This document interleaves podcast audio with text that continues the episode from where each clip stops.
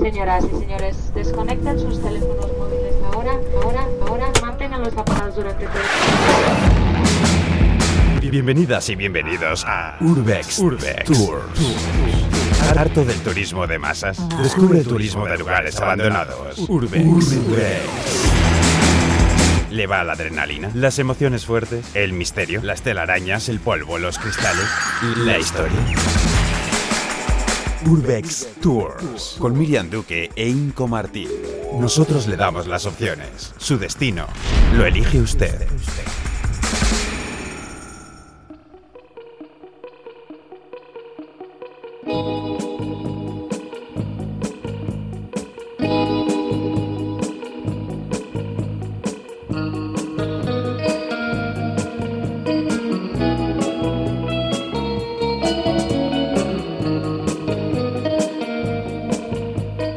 Agencia de viajes, una agencia que nos llevará a conocer lugares que un día, a veces sin demasiado motivo, quedaron abandonados. Espacios en los que se respira polvo añejo, humedad también añeja, pero también cierto misterio. Es el Urbex, al que nos iremos acercando gracias a nuestro guía Inco Martín. Inco, ¿qué tal? ¿Todo bien? Muy buenas, muy bien, muy a gusto. Bueno, ¿a dónde nos lleva hoy el Urbex? Eh, ¿A dónde nos lleva? Pues hoy nos va a llevar a- al país de la Gran Muralla, por ejemplo, del rollito de primavera también y de dónde vienen gran parte de las cosas que tenemos entre nosotros. China. ¿Y Vamos qué tipo de ruta tenemos preparada para recorrer China? Pues he preparado para todos nosotros y nosotras tres puntos estratégicos que desde el prisma del abandono pues nos van a permitir descubrir la multitud de caras que tiene un país como China. Belleza, soledad, locura, masificación, humildad, lujo, terror y todo ello, como has dicho antes, pues a base de Lurbex, a base de visitar lugares abandonados y como decías, pisando escombros, respirando polvo o vagando entre sombras, descubriremos su historia, que es lo que mola. Esto mola y, y promete bastante la aventura, ¿no? Eh, yo, ¿para qué esperamos más? Vamos para allí ya, ¿no? Sí, ¿no? Ni Sí. China.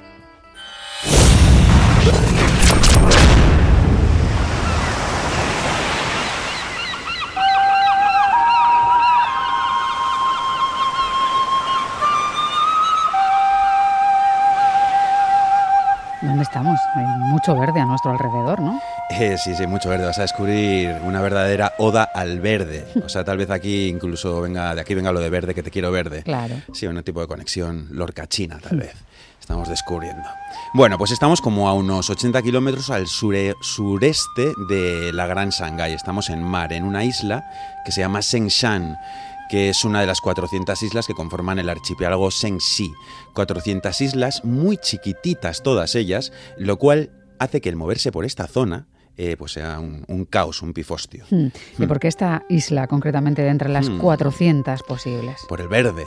Pues mira, para empezar, porque la isla en sí mola, o sea, es un sitio que está bastante chulo, es pequeñita, pero es una isla montañosa con unos acantilados muy guapos, mucha paz, mucha naturaleza, pero para todo fan del Urbex, pues hay dos razones que hacen este lugar un lugar muy, muy especial. Mira, la primera es que en la costa norte, vas por ahí entre montañitas caminando, pues llegas a un sitio escondido entre laderas y acantilados, que es un pueblo fantasma que se llama Houtuan. Oh, Sí, y la segunda, porque este pueblo eh, pues puede que nos lleve a las profundidades más ecofilosóficas del Urbex. Este lugar, mira cómo ha entrado la, el, el sonidillo, claro que sí.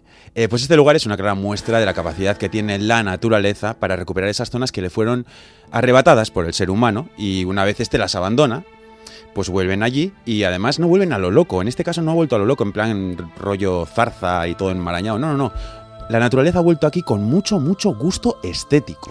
Bueno, y si el pueblo fue abandonado, mm, bueno, Hmm. supongo que fue ocupado. Sí. ¿Quién, ¿Quién vivió aquí? Sí, sí, sí, suele ser así. Eh, Hotuwan fue fundado hace pues tres siglos a modo de una agrupación de casas un tanto desperdigadas, que supongo que es por la orografía del sitio. Eh, todos sus habitantes, 2000 en la época dorada de este lugar, pues se dedicaban a la, a la pesca, pesca de baja intensidad.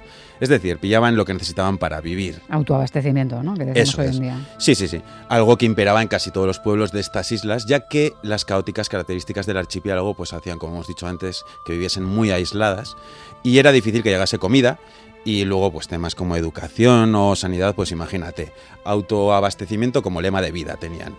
¿Y hasta cuándo aguantaron en, en esas condiciones y en este punto? Eh, pues el remate final vino cuando China se dijo, venga va, lo apostamos todo por la economía de producción masiva.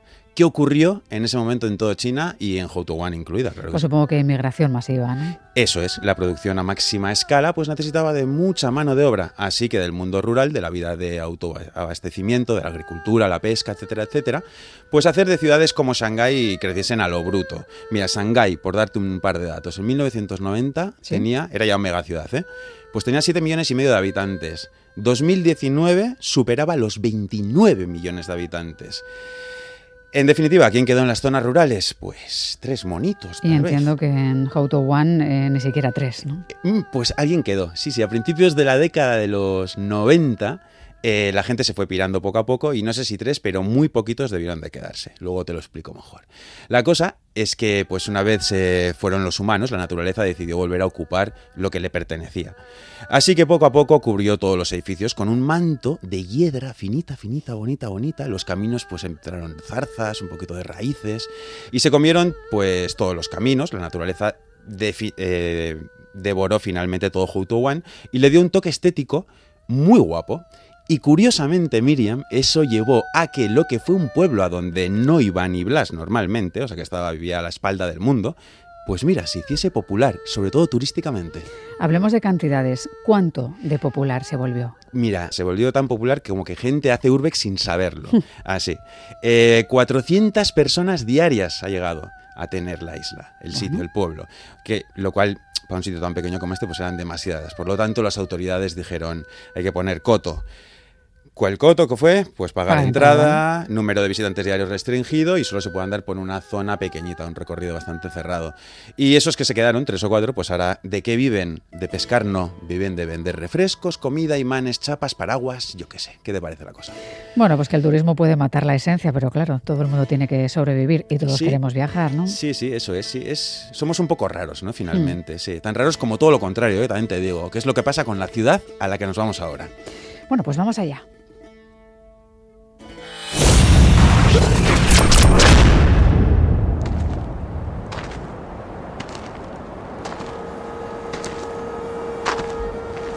Hemos pasado a la megaciudad.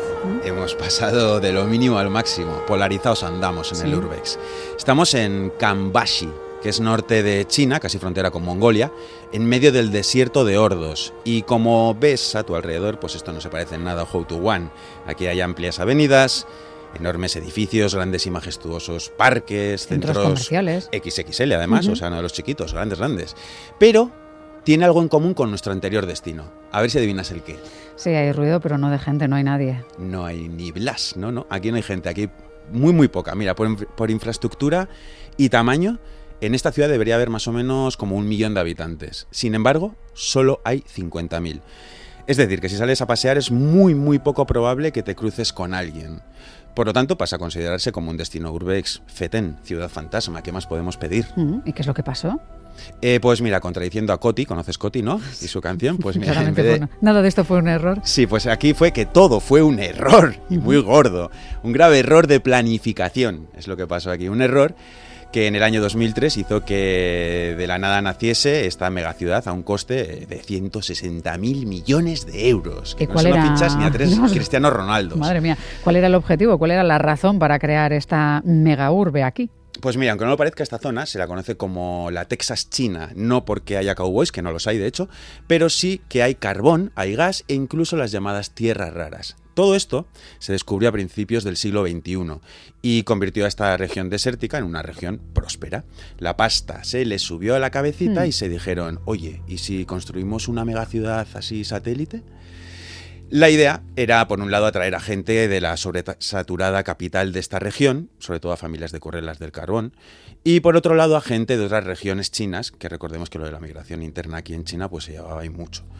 El lema sería, hey, aquí se maneja mucho y se va a manejar aún más, ven y cómprate tu casita en este paraíso recién sacadito del horno. Pero esta mega urbe residencial no, ni con eslogans, ¿no? No, ni con eslogans como ese. No, no, no, no cuajo. Al parecer, las previsiones fueron bastante exageradamente optimistas. Tampoco favoreció el hecho de que sea una zona bastante aislada y que justo en esa época explotase eh, la enorme burbuja inmobiliaria de China, que era uno de los pilares que, en los que se sustentaba su modernización.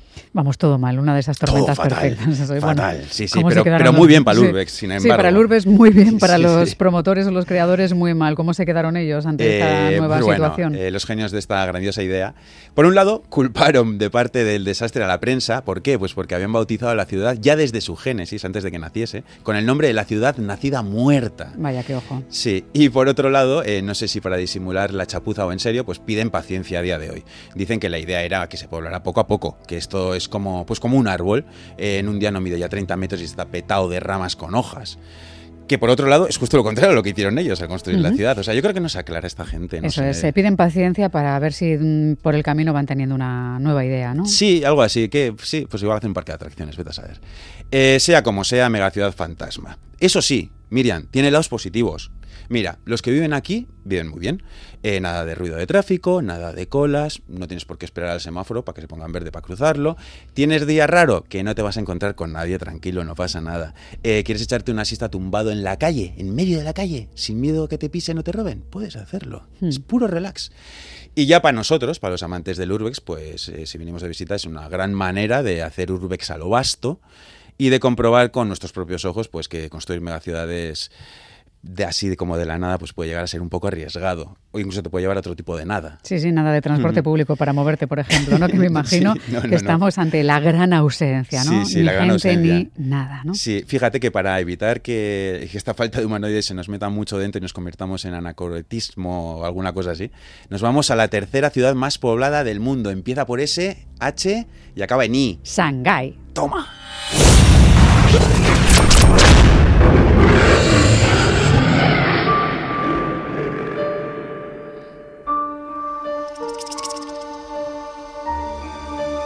Bueno, aquí sí que estamos eh, dando un salto impresionante de la soledad anterior a, a ratos de gran multitud, podemos decir, porque esto no es que haya mucha gente, es que somos legión. Mm. Sí, ¿no? sí, los hormiguitas, esto es, vamos, el, el concepto en sí, sí. Algunos la multitud, por otro lado, les da seguridad.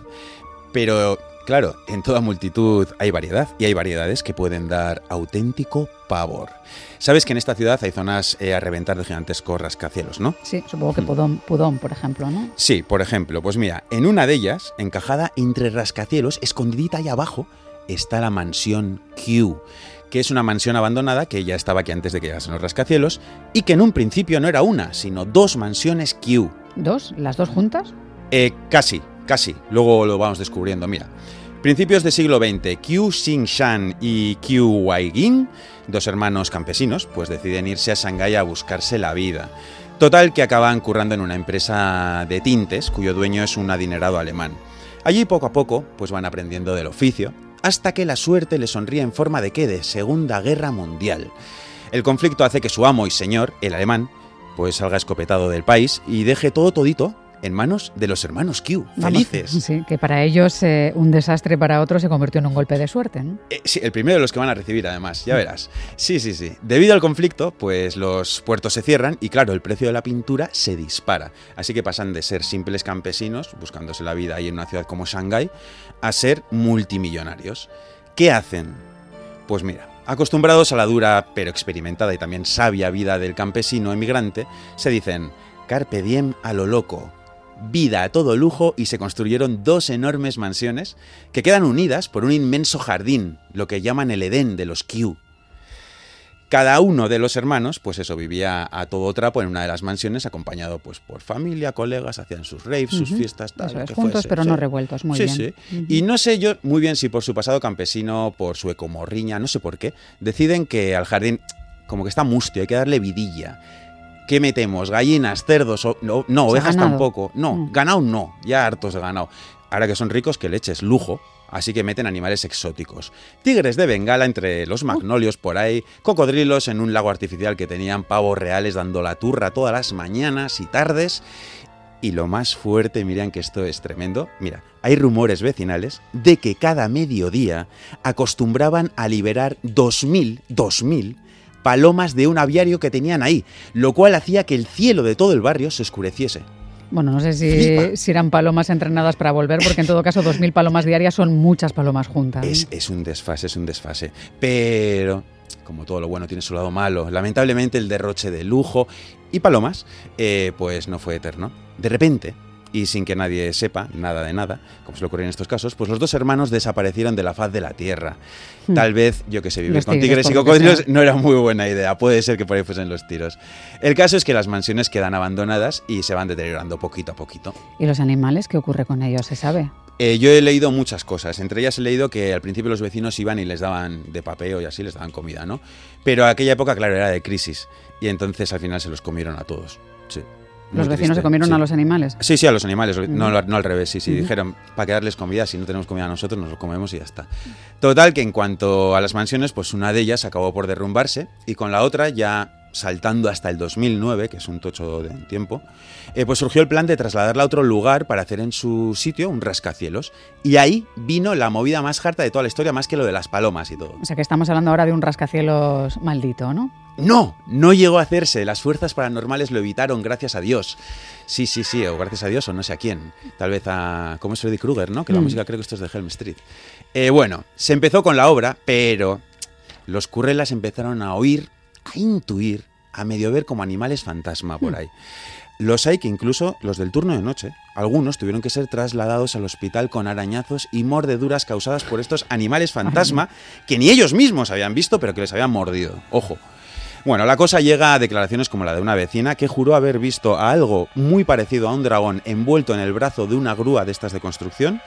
Y luego tenemos el caso de un albañil que agredió a su jefe con un martillo, tras, según decía, haber sido obligado a hacerlo por una criatura parecida a un lagarto, que me suena a V todo esto. Sí, es una situación como poco paranormal, ¿no? Sí, sí, sí, bastante, bastante, sí. O sea, construir ahí un rascacielos no creo que hubiese sido buena idea. Eh, bueno, y claro, tras todo aquello, pues claro, ahí no se quería meter a currar nadie. Así que la mansión quedó tal cual, semiderruida, abandonada y quién sabe, tal vez habitada por animales fantasma. La mejor manera de descubrirlo, ¿cuál es? Coger, mirar a billetes de avión a China, volar y descubrirlo por nosotros mismos. Pues está claro que es una gran propuesta. Urbex, la fantasmagórica mansión animal. Me encanta como propuesta. ¿Hacemos la maleta, Inco? Eh, sí, yo la tengo preparada, de hecho. pues vamos allá. Venga. Agur, agur. Agur. Adrenalina, misterio, historia. Urbex Tours. Turismo de lugares abandonados. Con, con Miriam Duque e Inco Martín. Porque abandonado no significa vacío.